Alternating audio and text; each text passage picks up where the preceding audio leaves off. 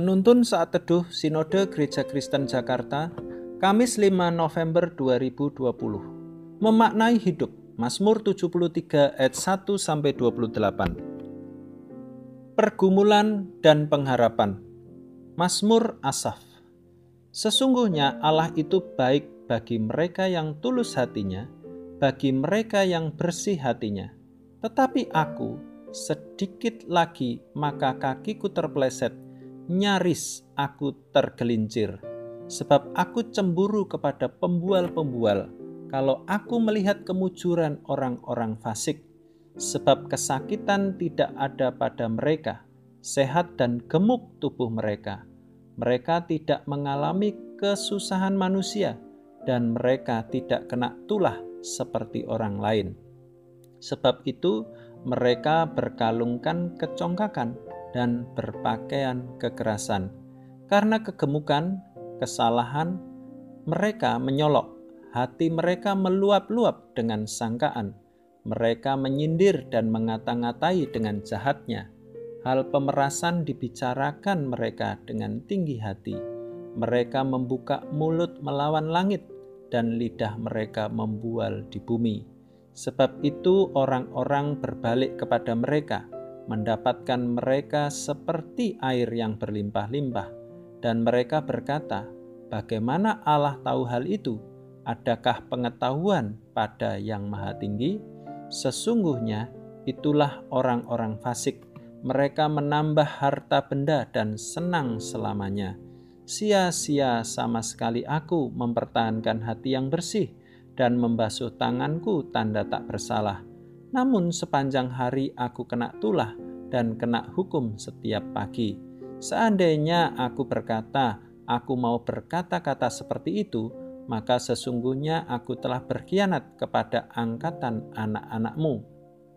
Tetapi ketika aku bermaksud untuk mengetahuinya, hal itu menjadi kesulitan di mataku. Sampai aku masuk ke dalam tempat kudus Allah dan memperhatikan kesudahan mereka, sesungguhnya di tempat-tempat licin kau taruh mereka, kau jatuhkan mereka sehingga hancur. Betapa binasa mereka dalam sekejap mata, lenyap, habis oleh karena kedahsyatan. Seperti mimpi pada waktu terbangun ya Tuhan, pada waktu terjaga, rupa mereka kau pandang hina. Ketika hatiku merasa pahit dan buah pinggangku menusuk-nusuk rasanya, Aku dungu dan tidak mengerti seperti hewan aku di dekatmu. Tetapi aku tetap di dekatmu, engkau memegang tangan kananku. Dengan nasihatmu, engkau menuntun aku, dan kemudian engkau mengangkat aku ke dalam kemuliaan. Siapa gerangan ada padaku di sorga selain engkau? Selain engkau tidak ada yang kuingini di bumi. Sekalipun dagingku dan hatiku habis lenyap, gunung batuku dan bagianku tetaplah Allah selama-lamanya. Sebab sesungguhnya siapa yang jauh daripadamu akan binasa. Kau binasakan semua orang yang berjinah dengan meninggalkan engkau. Tetapi aku, aku suka dekat pada Allah. Aku menaruh tempat perlindunganku pada Tuhan Allah supaya dapat menceritakan segala pekerjaannya. Memaknai hidup dengan benar dapat terjadi melalui kebenaran firman Tuhan yang direnungkan dan dilakukan. Dari situ akan muncul pengertian yang benar dalam memaknai segala sesuatu yang terjadi. Masalah demi masalah, kesakitan, kelemahan, tekanan hidup, semua menjadi bermakna baik karena kebenaran Tuhan yang dihidupi. Nas ini ditulis oleh pemazmur Asaf yang mengontraskan dua macam kehidupan, yakni hidup orang fasik dan hidup orang benar, serta akhir dari hidup mereka.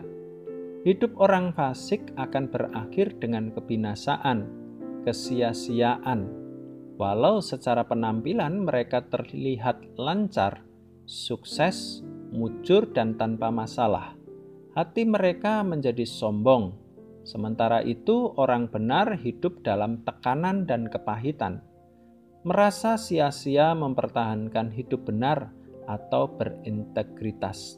Terlihat banyak masalah, ada rasa bersalah, kebingungan.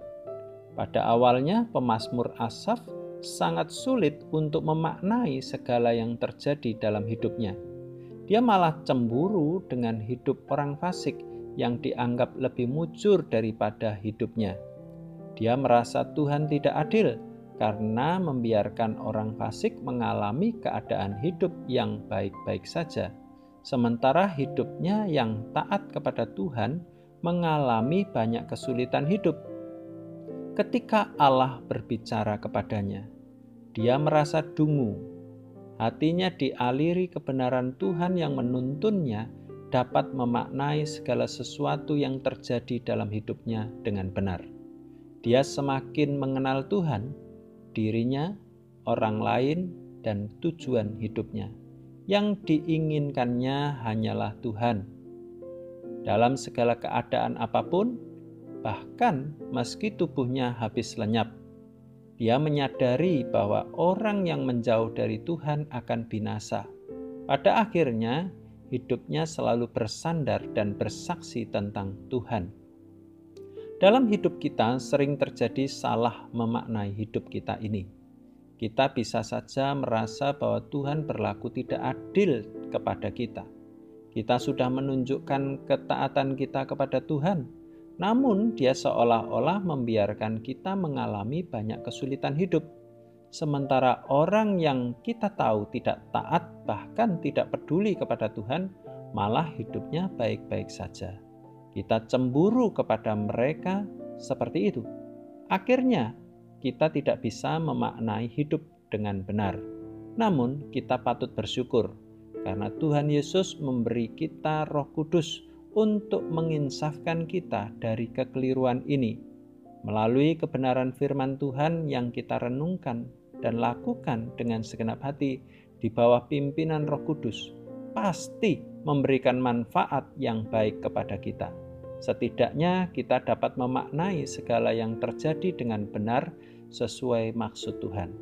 Sekarang kita menjadikan Tuhan sebagai yang terutama dan hanya Dia yang kita inginkan di atas segala-galanya. Memaknai hidup dengan benar hanya dapat terjadi ketika kembali kepada Sang Sumber hidup, yaitu Tuhan Yesus Kristus.